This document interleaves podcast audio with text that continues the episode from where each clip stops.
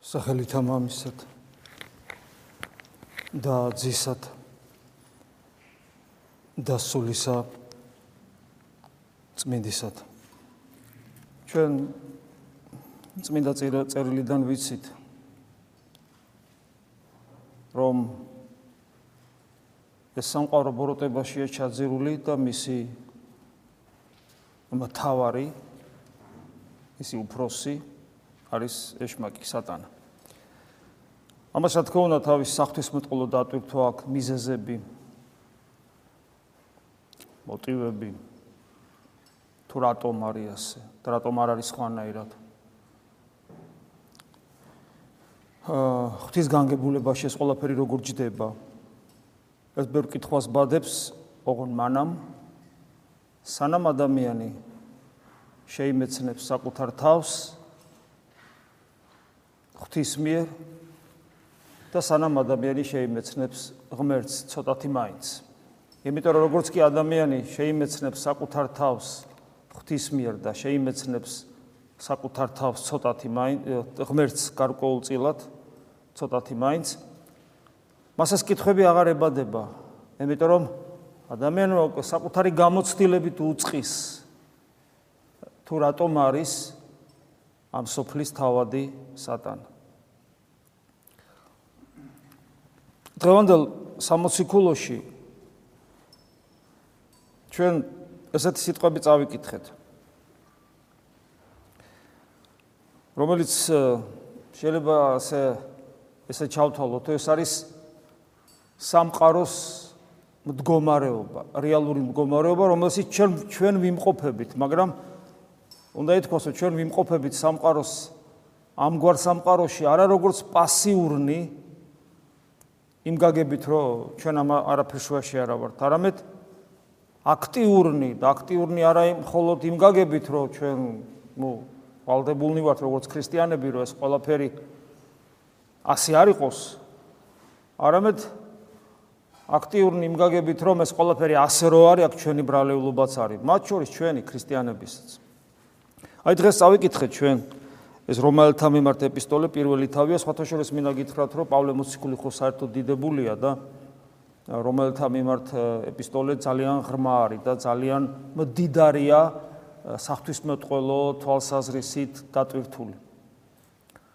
და კიდევ ერთი რაც მე მინდა გითხრათ, საერთოდ შეუძლებელია ოთხი სახარების გაგება თუ სამოციქულოს არ უღრმავდებით და მათ შორის ერთ-ერთი მთავარი სწორედ სამოციქულოში პავლე მოციქულის ეპისტოლებია. სწორედ პირველი, საერთოდ სახარება არის ღვთის სიტყვა, ადამიანად მოსული ღმერთის სიტყვა, რომლის გაგება მადლის გარეშე არის შეუძლებელი და აი 2000 წელია ეკლესია როგორც ქრისტეს მისტიკური სხეული განმარტავს თავისი წმინდანების მეშვეობით 4 სახარებას და იგი ამოუწურავია კვლავ და პირველნი, ვინც ამ განმარტებას იწყებენ, ესენი არიან თავად მოციქულები. ამიტომ მოციქულების გარეშე, წმინდა მამების გარეშე სახარების გაგება არის შეუძლებელი. და აი დღეს ესეთი რამე წავიკითხეთ, რომ უჯერო საქმისათვისო, ამიტომ უჯერო საქმისათვისა, საქმისათვის. ამიტომაც უჯერო საქმისათვის მის საღმერთმა ისინი ვინ ისინი? უღმერთონი. მის საღმერთმა ისინი გაუკუღმართებულ გონებას. გონება ამ შემთხვევაში არ არის უბრალოდ რაციონალური აზროვნების აპარატი, ტვინი, ეს არის შემეცნებითი ორგანო მთლიანად, შემეცნებითი უნარი მთლიანად ადამიანის. მისა გაუკუღმართებულ გონებას ასე რომ ახსილნი არიან ასეთნი. ყოველგვარი უსამართლობით, ბოროტებით, ანგარებით სიავით სავსენის შურით მკვლელობით შუღლით ვერაგობით უზნეობით მაბეზღარობით. ავსიტყვანი ცილის წამებელნი ღვთის მოძულენი ქედმაღალნი ცუდმედიდნი ბოროტმზრახველნი დედმამის ურჩნი, უგულისხმონი, უნდონი, უყვაროლნი, ულმობელნი, უწყალონი, რომელთაც არიციან ღვთის სამართალი, რომ ამნაი საქმეთა ჩამდენი სიკვდილის ღირსნი არიან. ნახეთ რამ კაცრი სიტყვებია პავლე მოციქულის. ამ არიციანო, რომ ეხლა რაც ჩამოთვალე, უცხო ხო არ არის? ვიღაცისკენ ნუ გავიხედებით, ჩვენთვის, ჩვენთვის პირადად ეს ყველაფერი უცხო ხო არ არის? და როგორი დიაგნოზია პავლე მოციქულს? ასეთ ასე რო ცხოვრობს ადამიანი, მან არის ისო რომ არის ის ღვთის სამართალი. ხშირად არის ხოლმე რომ მორწმუნე ადამიანი ასეთი სულით სავსე თავს ინუგეშებს, იმით რომ ღმერთის სიყვარულია, დიახ, ღმერთის სიყვარულია. მაგრამ არსებობს ღვთის სამართალი, რომელიც ზუსტად როგორ მუშაობს, ჩვენ ეს არ ვიცით. ჩვენ ხშირად ვამბობთ, რომ ქრისტიანობა არ არის ეს იურიდიული რელიგიური სისტემა. დიახაც ესია. იმიტომ, იმიტომ რომ სამოთხე არ არის საჩუქარი ჩვენი კარგი ქცევებისათვის და ჯოჯოხეთი არ არის სასჯელი ჩვენი ცუდი ქცევებისათვის. სამოთხე ეს არის ღვთის შვილობითი მდგომარეობა და ღმერთთან შესაბამისად შვილის სტატუსში მყოფობა. რა, იოლია უფრო ესეთი სამოთხეში მოხვედრა თუ რა არის? ჯოჯოხეთი არ არის ღმერთის მიერ გამოტანილი განაჩენი, არამედ არის ადამიანის მიერ შექმნილი მდგომარეობა. როცა ადამიანი უარყოფს ღმერთს, ეს უფრო იოლია თუ როგორ არის? ჩვენ ჩვენ ჩვენ თვითონ რო ვქვნით უღმერთობას ჩვენს გულში ეს ხო ვიცით?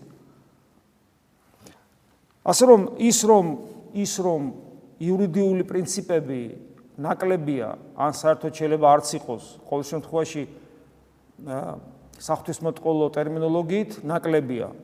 წმინდა წერილშიც არის იურიდიული ტერმინოლოგია, მაგრამ ნაკლები. ეს იურიდიული ტერმინოლოგიის და იურიდიული სულის ნაკლებობა სულაც არ ნიშნავს, რომ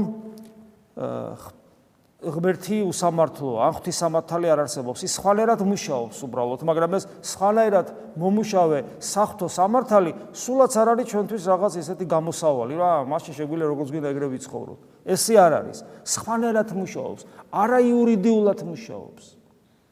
მაგრამ კიდევ ვიმეორებ, ზოგ შემთხვევაში ეს უფრო მეტი პასუხისგებლობის წინაშე მაყენებს, ვიდრე იმ შემთხვევაში მას რო იურიდიულად ემუშავა. ასეთე მარიციანო ღვთის სამართალი რომ ამნარი საქმეთა ჩამდენი სიკვდილის ღირსნი არიან. აქ სიკვდილში არ ვიგულისხმობ ბიოლოგიური სიკვდილი. ბიოლოგიური სიკვდილი წმინდანები წკდებიან. აქ სიკვდილში ვიგულისხმობა მარადიული სიკვდილი. ანუ რა არის მარადიული სიკვდილი? ადამიანის მდგომარეობა, როდესაც ის ვერ ხედავს და ვერც ვერასოდეს იხილავს ღმერთს. ეს არის სიკვდილი მარადიული სიკვდილის მარადიული გაგება. მაგრამ არამც თუ თვითონ შეჩადიან ასეთ რაღაცებს არამედ ჩამდენთაც თანაუგზნობენ. ეს რას ნიშნავს? ეს ნიშნავს იმას რაც ხდება ამ სამყაროში. ამ სამყაროში რა ხდება? ერთმანეთს აგულიანებენ ადამიანები ერთმანეთს ვაგულიანებთ ცუდ საქციელში ერთმანეთს ხელს უწყობთ თელ სისტემებს ხმნით თანამედროვე ცივილიზაციის ტექნიკური საშუალებებით რომ რაც შეიძლება მეტად და მეტად მოხდეს კულტივირება გამრავლება, ესე იგი, ცოდვისა, დაკანონება, დაწესება, ნორმათქცევა, ხომა ჩვენ ვაკეთებთ. ესე იგი, ჩვენც ესეთები ვართ და ამის შესაძლებლობას ვაძლევთ სხვებს უმწიფარ სულებს, რომ რაც შეიძლება მეტად და მეტად მეტი და მეტი ადამიანი დაზიანდეს და მეტი და მეტი ადამიანი აღმოჩნდეს აი ამ მდგომარეობაში. რა არის ამის მიზეზი? რა თქმა უნდა, ამის მიზეზი ჩვენ ვიცით, რაც არის. პავლე მოციქული დღეს ასე გვეუბნება, იმიტომ რა რატო ხდება ეს ასე? ისინი არ ეცადნენ გონებით შეენარჩუნებინათ ღმერთი. კიდევ ვიმეორებ, აქ გონებაში ინტელექტუალური აზროვნება არ იგულისხმება. გონება ეს არის ადამიანის სულის უნარი, რითაც ადამიანი ღვთის ხატი და მსგავსი არსება ხდება, ანუ იგივე რაც რითაც ადამიანი თეოლოგიური არსება ხდება, როცა მას შეუულია ტრანსცენდენტული ღმერთის შემეცნება, ეს უნარი მას აქვს. ეს არის გონება. გონებას აქვს უნარი ღმერთი შეიცნოს და ეს შემეცნება ცოცხალ რწმენაში გადაიყვანოს და შესაბამისად შეინარჩუნოს. და ნახეთ როგორ წერია. არ ეცადნენ გონებით შეენარჩუნებინათ ღმერთი. რა უცნაური სიტყვა, ხო ხო შეიძლება და წერებული ყო რომ არ ეცადნენ რომ გონებით შეეცნოთ ღმერთი. არ წერია? არ წერია შეეცნოთ, შეენარჩუნებინათ. ეს იცით რას ნიშნავს? რომ ადამიანი რომელიც ურწმუნოა ან ურწმუნოთ ცხოვრობს. დეკლარირებულად ამბობს რომ კი მე მორწმუნე ვარ მაგრამ ცხოვრობს ისე როგორც ჩამოთვალე. და ეს ეს ეს არის რომელთა მიმართ პირველი ეპისტოლე სახში შეგიძლია წაიკითხოთ. ესაც ჩამოთვალე ჩვენთვის არც ერთი არც ერთი აქ რაც არის უცხო არ არის ჩვენთვის. არც ერთი ჩვენ ყველა ჩვენგანისათვის ეს ძალიან ნაცნობი და ბუნებრივი მდგომარეობა ხშირ შემთხვევაში. აქ ლაპარაკია არა იმაზე რომ ჩვენ ესე გონებით ღმერთი არ შევიმეცნეთ არამედ არ შევინარჩუნეთ იმიტომ რომ არც ერთი ადამიანი სინამდვილეში თუ ადამიანს ცოტათი მაინც კომუნიკაცია აქვს გარე სამყაროსთან და თუ ადამიანს იმდენად ადამიანი თუ იმდენად იმდენად დაზიანებული არ არის რომ მას შემეცნების უნარი საერთოდ არ აქვს. ხოლო თუ ადამიანს ცოტათი მაინც შემეცნების უნარი აქვს, ბავშვის დონეზე მაინც შეუძლებელია რომ მასთან ღმერთი არ მივიდეს და გულის კარებზე არ დაუკაკუნოს. შეუძლებელია რომ ადამიანმა ცოტათი მაინც სადღაც სიღრმეში არ იფიქროს ერთხელ მაინც ცხოვრებაში რომ ღმერთი ხო არ არის, ა? ა, ეგება არის, ხო? აი აქ წერია რომ ყველასთან მისულია, მაგრამ არ ინარჩუნებს ადამიანი. ანუ პრობლემა სწორედ ჩვენში, აი, რატომ არის ადამიანი ურწმუნო? არ მიიღო ღმერთი. ის რაც მიიღო, ის არ შეინარჩუნა. ესე გვასწავლის წმინდა წერილი. ეს მიზეზია. ხო, კითხვა ასე დავსვათ, ეს მიზეზი საპატიებელია თუ არ არის საპატიებელი? ისევ პავლე მოციქულს მოусმინოთ. და მართლაც მისი უხილავი ღმერთის უხილავი სრულყოფილება. წარვალი, ანუ მარადიული ძალა და ღვთაებრიობა, ღვთაებრიობა, ანუ ტრანსცენდენტულობა, ანუ მისი ყოფიერება, რომ ეს ყოფიერება არ არის. ქვეყნიერების დასაბამიდან ქვეყნიერების დასაბამ, ანუ რაც ეს სამყარო არსებობს, მისავ ქმნილებებში, ანუ ამ სამყაროს ქმნილებებში, რაც ღმერთის მიერ არის შექმნილი, ცნაურდება. და ხილული ხდება, ანუ საცნაური ხდება და ხილული ხდება. ანუ ღმერთი არ ჩანს, ტრანსცენდენტულია, იმიტომ რომ ის არ არის არც მას არ აქვს დროის განზომილება, არც სივრცის განზომილება, არც მატერიალური ენერგია, არც ფერი, არც სუნი, არც გემო და ასე შემდეგ. ყველაფერი ეს მისი შექმნილია, მაგრამ მიუხედავად მისი უხილავობისა, სამყაროში საცნაური ხდება და ხილული ხდება სამყაროში. როგორც ღვთის კვალში, ასე რომ, ასე რომ არა აქვთ პატიება. რა კი შეიცნეს ღმერთი, მაგრამ არადიდეს როგორც ღმერთი. არც მადლობა შესწირეს. არამედ ამაონი იქნენ თავიანთ ზრახვით და დაბნელდა აი კაი სიტყვა დაბნელდა მათი უგონო გული. ნახეთ რა საინტერესო სიტყვათა წყობა. უგონო გული. აი კაც ჩანს რომ არც გონება ამ შემთხვევაში ტვინი და არც გულია სისხლის გადა ესე იგი სისხლის მამოძრავებელი ორგანო. აქ არის ადამიანის სულის თვისებებზე და გული უნდა იყოს გონიერი და არაგონიერი გული ნიშნავს იმას, რომ ადამიანის გული დაუცველია, აბსოლუტურად დაუცველია ამასოფლის სულისაგან, ამასოფლის სული, აი ეს არის რაც ეგან ჩამოთვალეთ, ამასოფლის სული არის ადამიანების შესაბამისად თელი კაცობრიობის მდგომარეობა, იმიტომ რომ ადამიანი ღმერთს დაცილებული არსება, რაც ჩვენ ადამიანში დაგვემართა. აი ეს ყველაფერი ხო სხვათა შორის ახლა მე ყველაფერს ხوار წავიკითხავდი პავლე მოციქული აი ამ უგონო გული რომ აქვს დაბნელებული ადამიანს ეს რა ناقოფებს იღებს ჩამოთვლის მე რაც ჩამოთვალე ეს არ არის აქ საკმარისი. უამრავ რამეს ჩამოთვლის და მათ შორის სხვათა შორის აქცენტირებას აკეთებს უკაცრავად ამ ბიონიდან ამ ამას რო ვეხები თქვენ რომ წაიკითხავთ, ნახავთ ეს რომაელთა მიმართ პირველი ეპისტოლეა. ეს აქცენტს აკეთებს სექსუალურ გაუკუღმართებებზე, ჰომოსექსუალიზმზე, აქცენტს აკეთებს ამაზე. და ეხლა მაგხსენდება როგორც ზოგიერთი ღვთისმეტყველი დიდი სამბით რომ თქვათ ტელევიზია ტელევიზიებითაც რომ გამოდიოდა და ამბობდა რომ сахарებაში არსად არ წერია ამ გაუკუღმართების საწინააღმდეგოდ არაფერი. ჯერ ერთი ვინ გაყო ოთხი სახარება მოციქულთა წერილებისაგან და პავლე მოციქული თუნდაც დღევანდელ ეპისტოლეში პირდაპირ გმობს ამას და ამას წარმოაჩენს როგორც მარტო მაგას არა, მაგრამ აქცენტირებული აქვს. როგორც ناقობს ადამიანის უგონო გულის დაბნელებული მდგომარეობისა. ناقოფია ეს ამბობს ამას. და მეორეს ერთი, თავად უფალი აქცენტირებულად აკეთებს სახარებაში, რომ ქორწინება და ოჯახი არის მამაკაცსა და დედაკაცის ურთიერთობა, რამე თუ ღმერთმა ღვთის ხატად შექმნილი არსება შექმნა მამაკაცსა და დედაკაცად, არა მონადად, არამედ მამაკაცსა და დედაკაცად. ეს აქცენტირებული აქვს. ეს იმდენად აქცენტირებული აქვს, რომ კითხვებიც კი არ ჩდება. მაგრამ აი ადამიანის გონებას ყველაფრის გაფუჭება შეუულია, მათ შორის შეუულია მას დასცინოს ღვთისმოწყალმა, დასცინოს სახარებას, წმინდა წერილს ისე რომ აი ოდნავაც კი არ შეაწუხოს სინდისმა.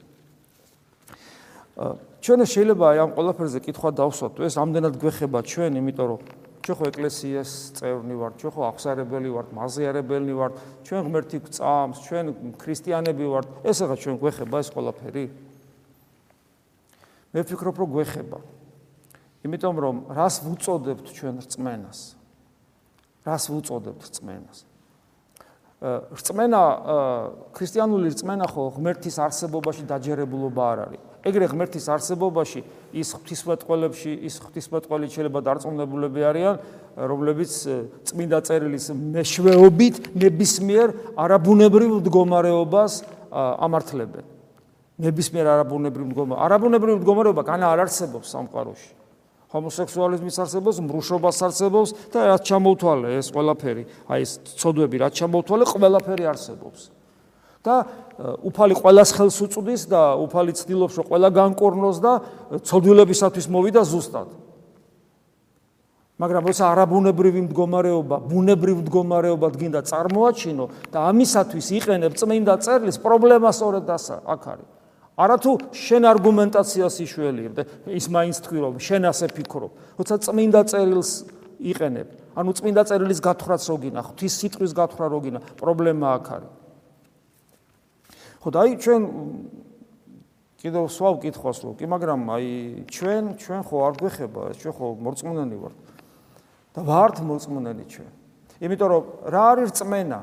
კიდევ ვიმეორებ ღვთის არსებობაში დაჯერებულობა რწმენაა და არ არის ღვთის არსებობაში დაჯერებულობა რწმენა? ამას იაკობ მოციქული პირდაპირ გვეუბნება. ეგრეთი დაჯერებულობა ეშმაკსაც აქვს პირდაპირ ამბობს იაკობ მოციქული. და ეს არაფერს არ ნიშნავს და თუ წმინდა მამებს ავიკითხავ და сахарების სულს კარგად ჩაუღმავდებით, აღმოვაჩენთ რომ და უფლის სიტყვებს პირველ რიგში რომ ქრისტიანული რწმენა ეს არის ქრისტესად ქრისტეს როგორც ღმერთის ხილვა და მისდამი ნდობა და შემდგომ მისდამი სიყვარული. აი ჩვენ ხშირად არის ხოლმე რომ ლოცვაზე რომ საუბრობთ რომ მოდიხარ ლოცვის ლოცვას თავისი საფეხურები აქვს, სულიერ ცხოვრებას თავისი საფეხურები აქვს და პერიოდულად მოდიხარ და ამბობთ, რომ ლოცვა გიჭირთ. ამას სხვადასხვანაირად, სხვადასხვა მიზეზები შეიძლება გქონდეს და ერთ-ერთი მიზეზი, როცა თქვენ ლოცვა გიჭირთ ხოლმე, ეს უკვე შეიძლება ვთქვათ, აი წინწასული ქრისტიანია, რომელსაც უკვე გარკვეული გამოცდილება აქვს დაგროვილი. ერთ-ერთი მდგომარეობა, რომ ადამიანს ცოტათი უფრო უკეთესი ქონდა ლოცვა და მე გაუჭირდა, არის ის, რომ მას რაღაც მძიმე ცოდვებთან და ვნებებთან და განსაცდელებთან ქონდა ბრძოლა და მას არ უნდოდა ქრისტესთვის ეღალატა. იმიტომ რომ ქრისტეს ღალატი ამდენჯერაც ქრისტეს უღალატა, იმდენჯერ ადამიანი ძალიან მწარეთ ხდება, იმიტომ რომ უფლის მადლი განაშორება და ადამიანს ეს აწუხებს, ადამიანს რომელსაც გამოცდილი აქვს ღმერთის გულზე შეხება, მე ღმერთის გარეშე ყოფნა, ყოფნით ის იხჩობა ადამიანი, იმიტომ რომ მისი სული გაცოცხლდა და ისევ სიკვდილისკენ მიდის, თორე ყდარი კი ვერ გზნობს, უღმერთო კი ვერ გზნობს. ხო და აი როდესაც ადამიანს ეს გამოცდილება აქვს რას ნიშნავს? ცოცხალი სული რომელიც არის უფალთან ურთიერთობა და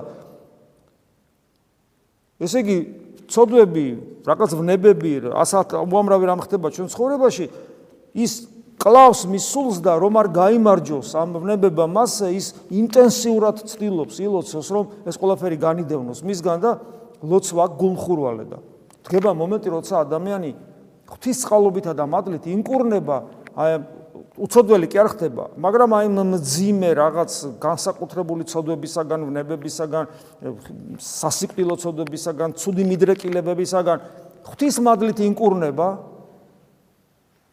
და ხო ის აუცრებო. ეხლა უნდა დაწყებულიყო, რაც უნდა დაწყებულიყო და ლოცვა კვდება.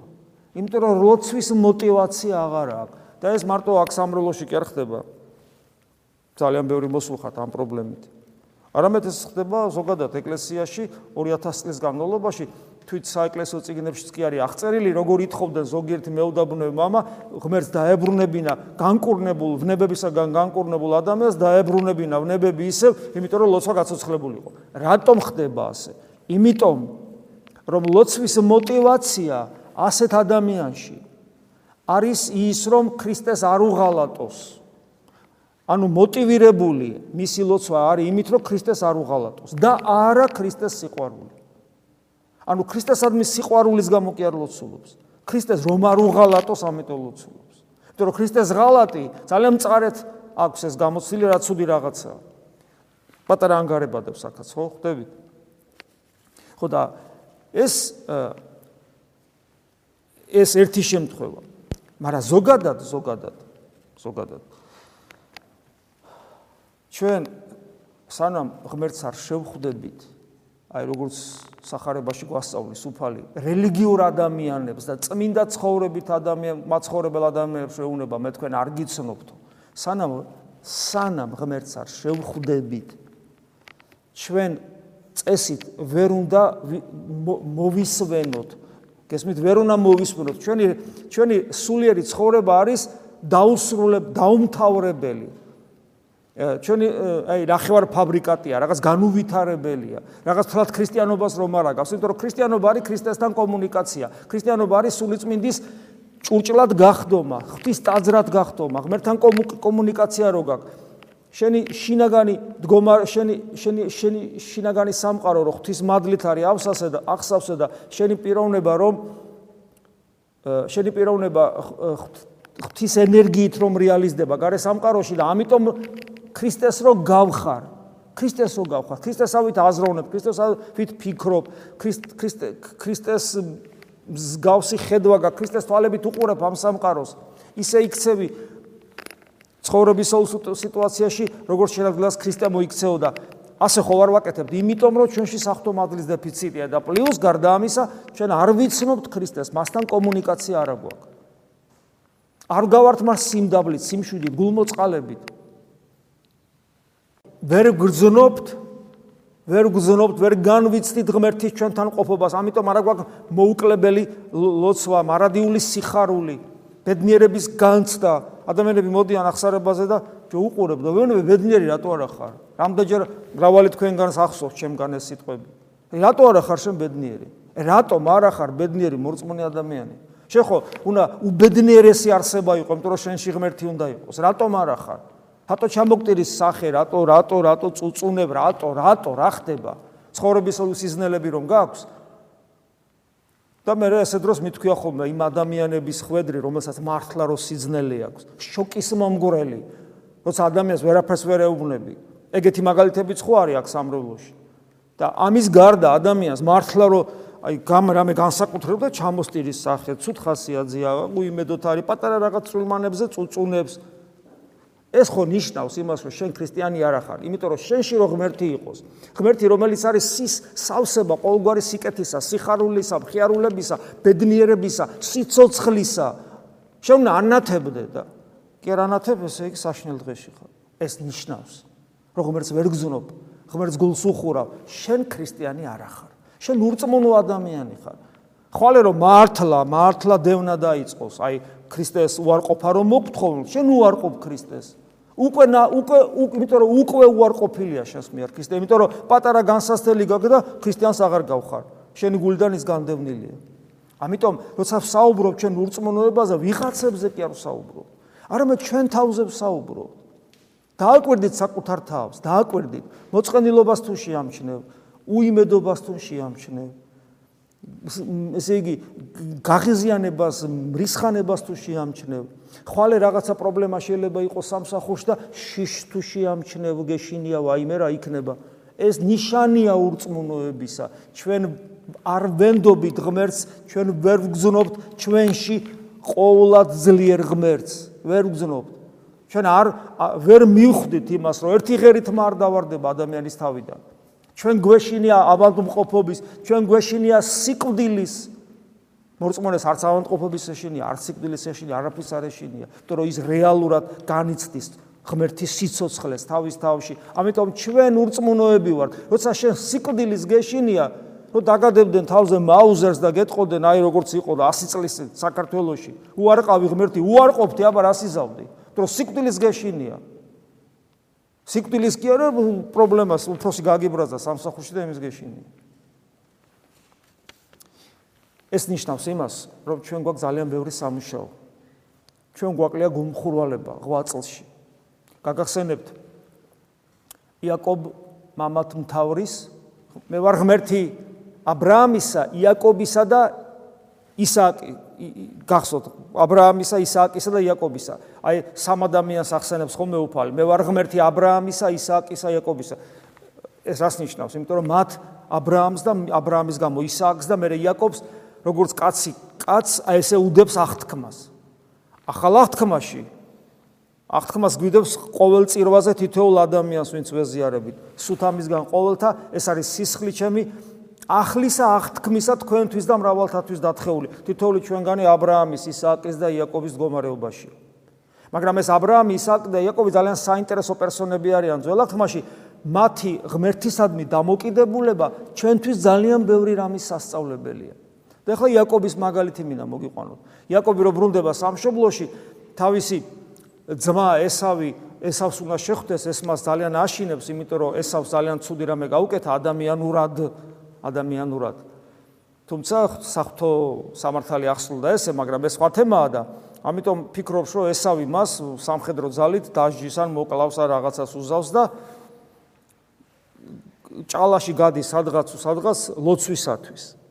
და იქ არის ესეთი უცნაური სიუჟეტი, რომელსაც ადამიანი წაიკითხავს, ვერც კი მიხვდება, მაგრამ ღვთისმოწყალები ყველა ცალსახად ერთ და იგივე განმარტება აქვს. იაკობი იწყებს ბძოლას რაღაც უცნაურ არსებასთან, რომელსაც ქვია უფალი. ან ფაქტობრივად ღმერთთან იბრძვის. და ეს ბრძოლა გადადის აი ეს ჭიდაობაში. თელი ღამე ჭიდაობდნენ, თელი ღამე, თელი ღამე არის ბრძოლა. და შებოჭავს იაკობი ღმერთს.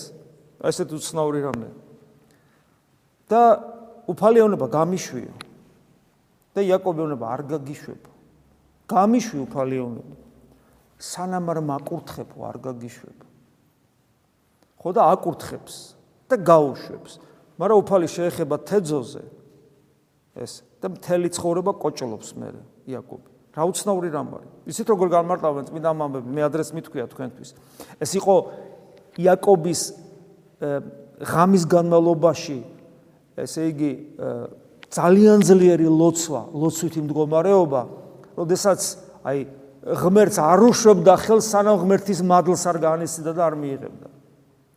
აი ანუ აი მოუხმობს უფალს, ხო? მოუხმობს და ვერ გზნობს ღმერთს. ღმერთი მის გულს არ ეხება, მოუხმობს არ ეხება, მოუხმობს არ ეხება. არ მოეშვა სანამ ღმერთი მის გულს არ შეეხო.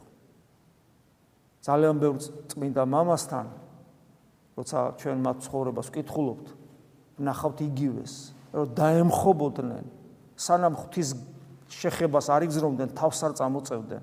ცეცხლივით ლოცვა ქონდა. ეს არის ლოცვითი მდგომარეობა და არა ჩვენ რო ტექსტს რო ვიღებთ, ამაზე ხუსუ ვიბრძვით, ხო, ჩვენ სამრევლოში რო ადამიანი მამაო ჩვენ რომელი ხარ ცათაში და წმინდა იყავს ახლა ეს შეურაცხყოფა არის ეს ღმერთის. სულმან ახალი ღვთისმოწყალე პირდაპირ ამბობს, სიტყვას, რომელსაც შე ლოცვაში ამბობ და არ გესმის, რას ამბობ, ეს ესეთი საშნელი საქციელია, რომ ყველაზე მეტად სწორედ ეს ზაქსო ღმერთო. ამიტომ სულ გეუბნებით, რომ სანამ ლოცვა გიჭირავს ხელში და სანამ ესე იგი სანამ გული ჩაერთვება ლოცვაში, მოიძო გაიაზრო რა წერია უბრალოდ იქ და რა ელაპარაკები ღმერთს. ჩვენ ხო აი ესე ჩვენ ესე გულარხეინად მამო იყავნება შენი ადამიანი იტყვის. აბა წარმოიდგინე, იყავნება შენ, მე გავა და სულ თავისნებით ცო. არც კი ფიქრობს, ეს რას ნიშნავს? წმინდა იყავს სახელი შენი და არ ფიქრობს ეს რას ნიშნავს. მომიტევე მე როგორც სხვას მიუტევებ, არც კი ფიქრობს ეს რას ნიშნავს. პური ჩვენი არსობისა მომეთ ჩვენ დღეს და თვეობით არ ზიარებულა და გონია ლოცულობს და ეს ზიარებას ნიშნავს.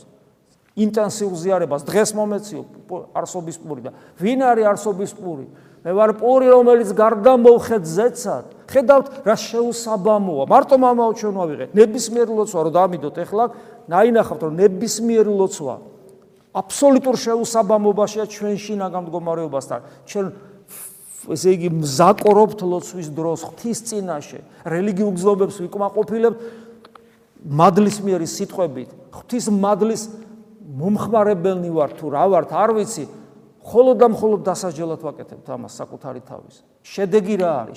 შედეგი არის განუვითარებელი ქრისტიანები და მთლიანად განუვითარებელი 2-30 წლის განმავლობაში როდესაც ფეხზე ვერ წამოვდექი და გვიკვირს ატო ვართ ასე ცუდად?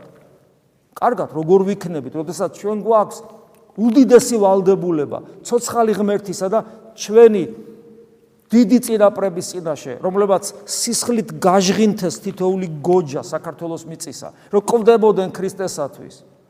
ჩვენ კიდე მე არ ვიცი უბრალოდ რას გავართ იმათთან შედარებით. აი ესეთი ლოცვის მაგალითია ძველ აღთქმაში და რაც შეეხება აი კიდევ ერთხელ რომ ჩვენი საკეთებელი აი ნახეთ ჩვენი საკეთებელი რომ გავიაზროთ ჩვენი საკეთებელი რომ აი მურწმუნოებაში რომელიც ჩაბოთვალე მურწმუნოებაში არ ვიყოთ აი ნახეთ რას ამბობს იერემია. ეხლა ორი მაგალითი მომნა მოგიყვანოთ ორივე ძველი აღთქმის მაგალითია ეხლა ეს რატომ არის საინტერესო.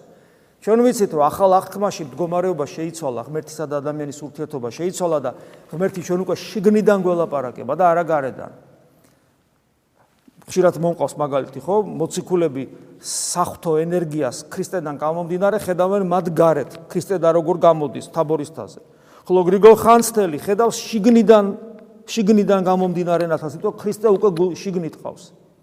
სხვა მდგომარეობა აქ ახალი აღთქმის ადამიანს და მიუხედავად ამისა რომ ძველ აღთქმაში ძველი აღთქმის მართლების მდგომარეობა არ იყო ისეთი რომელიც როგორც ჩვენია მათში ღმერთი ჯერ არ მკვიდრობდა როგორც ტაძარში რაც ახალ აღთქმაში დაიწყო.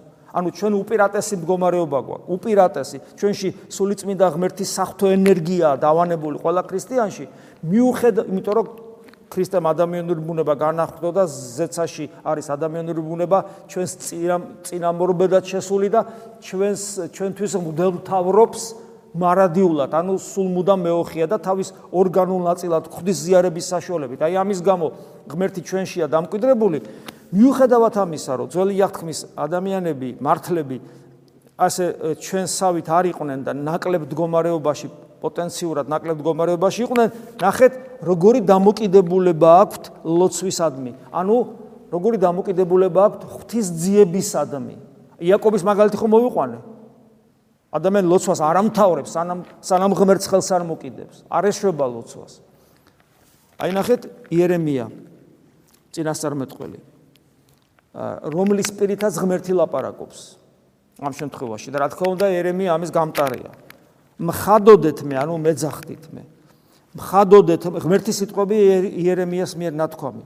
მხადოდით მე და ხვიდოდით ანუ მე მეძახდეთ და დადიოდეთ და ილოცეთ ჩემდამო ანუ ჩემ წინაშე ილოცეთ და ვისმინო თქვენი და გამომიძიეთ მე ანუ მეძებეთ მე.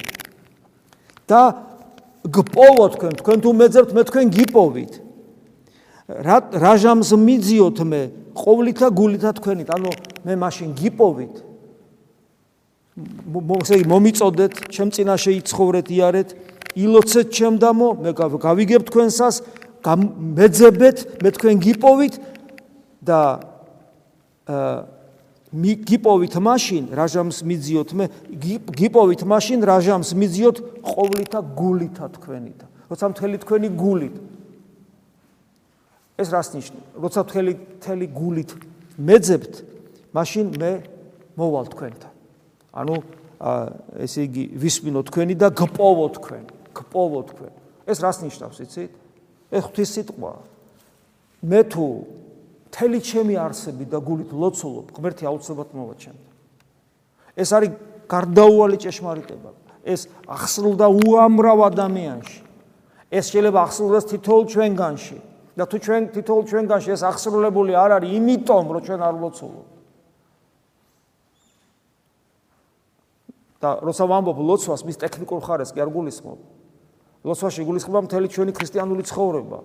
იმიტომ რომ თუ ვიფიქრებთ რომ მე ვლოცულობ და ამ დროს გვერდზე მოყვას ვუბღვერ და ამპარტანულად ვექცევი და სიმდაბლის ათნობა არ მაქვს. ეს ლოცვა, ცოდვა ჩემი ეს ლოცვა არ არის, იმიტომ რომ მე ვისაც მოუხმობ, ის არის სიმდაბლე, ანუ ღმერთი არის სიმდაბლე და სიმდაბლეს როგორ მოუხმობ და როგორ მოვა ჩემთან, როგორ იპოვის ჩემს გულს თუ მე შინაგანი ამპარტავნებით სავსოა. ამიტომ ლოცვაში გულის იგულისხმება მთელი სისავსე ქრისტიანული ცხოვრების. და ისე კიდევ ერთი მაგალითი ისე ძველი აღთქმისა დავით მეფსალმონი. ეს საოცარი სიტყვებია ხშირად მithქვია თქვენთვის და უკე თუ შევიდე მე საყოფლსა სახლისა ჩემისას. ანუ არ შევალო რა. არ არ აი თუ შევიდეო რა. თუ შევიდე მე საყოფლსა სახლისა ჩემისას. ანუ სახში თუ შევიდეო რა. ანუ თუ ახვდე სარეცელსა ცხედრისა ჩემისას ანუ საწოლზე თუ დავწვეო რა ანუ თუ ძილი თვალთა ჩემთა? ანუ თუ დავასვენო თვალი დავაძინო ჩემ დავიძი და ხრული წამთა ჩემთა ანუ აი ეს მოკლედ რა თუ დავიძინო მოკლედ.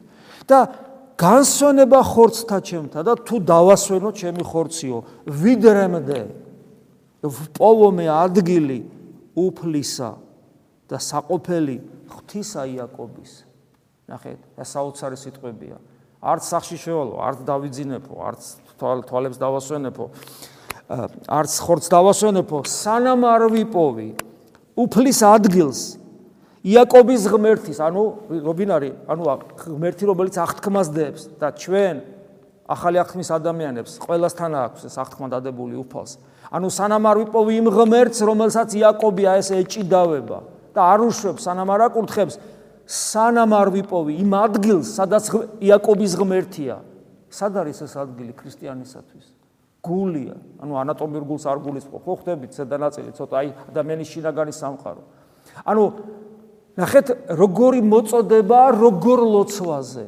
დასვენების საშუალებას არ აძლევს ადამიანის საკუთარ თავს სანამ არ იპოვის სადაც იმ ადგილს სადაც ღმერთს უნდა შეხვდეს და მე აღძელებს შევიდეთ საყოფელთა მისთა და თაყვანის ვცეთ ადგილსა სადაც დარდგნენ ფერხნი მის აი ეს ცეცხლი აი ეს გულმხურვალება. გვაკლია ჩვენ თანამედროვე ქრისტიანებს. და კმაყოფილდებით გარეგანი რიტუალური წესებით ამ წესების შესრულებით და თვითკმაყოფილებაში ვიხჩობით ხიბლში ვართ, უგონია რომ ქრისტიანები ვართ, სანამ ქრისტეს არ შევხვდებით, ჩვენ ქრისტიანები არა ვართ. ამას იმიტომ კი არ ვამბობ, რომ დაუმწუხრდეთ. ამას იმიტომ ვამბობ, რომ ბრძოლისათვის კიდევ მეტი მობილიზება გაუკეთოთ სარ თავს, იმიტომ რომ დრო ცოტა გვაქვს. გარდავიცვლებით და მე თითოული წამი, რომელიც დაკარგული გვაქვს, უქმად ცეცხლად გვექცევა, ბევრს შევწუხდებით და ვინანებთ, რა დრო დავკარგე, რა დრო დავკარგე, მაგრამ გვიანი იქნება, უკვე მყდარი იქნები. გესმით და წარდგებით ღვთის წინაშე. ამიტომ სანამ დრო გვაქვს, ვეცადოთ, რომ ვისწავლოთ ნამდვილი ქრისტიანობა, რომელიც ნიშნავს აი ამგვარ გომხურვალებას, რომელიც ნახეთ იაკობთან, იერემიასთან, დავით მეფსალმუნესთან. ხოლო ახალი აღთქმის წმინდანები გაჟღენთილი არიან ამ სული. იმიტომ რომ ეს არის სწორედ ახალი აღთქმა. ეს არის მართლმადიდებელი ეკლესიის სიდიადე, რომელიც თავს ავლენს თავის უდიდეს წმინდანებში. ამინ. მადლი უფლისა ჩვენისა იესო ქრისტეს და სიყვარული ღვთისა და მამისა და ზიარება სულისა წმინდისა იყოს თქვენ ყოველთა თანა. ამინ.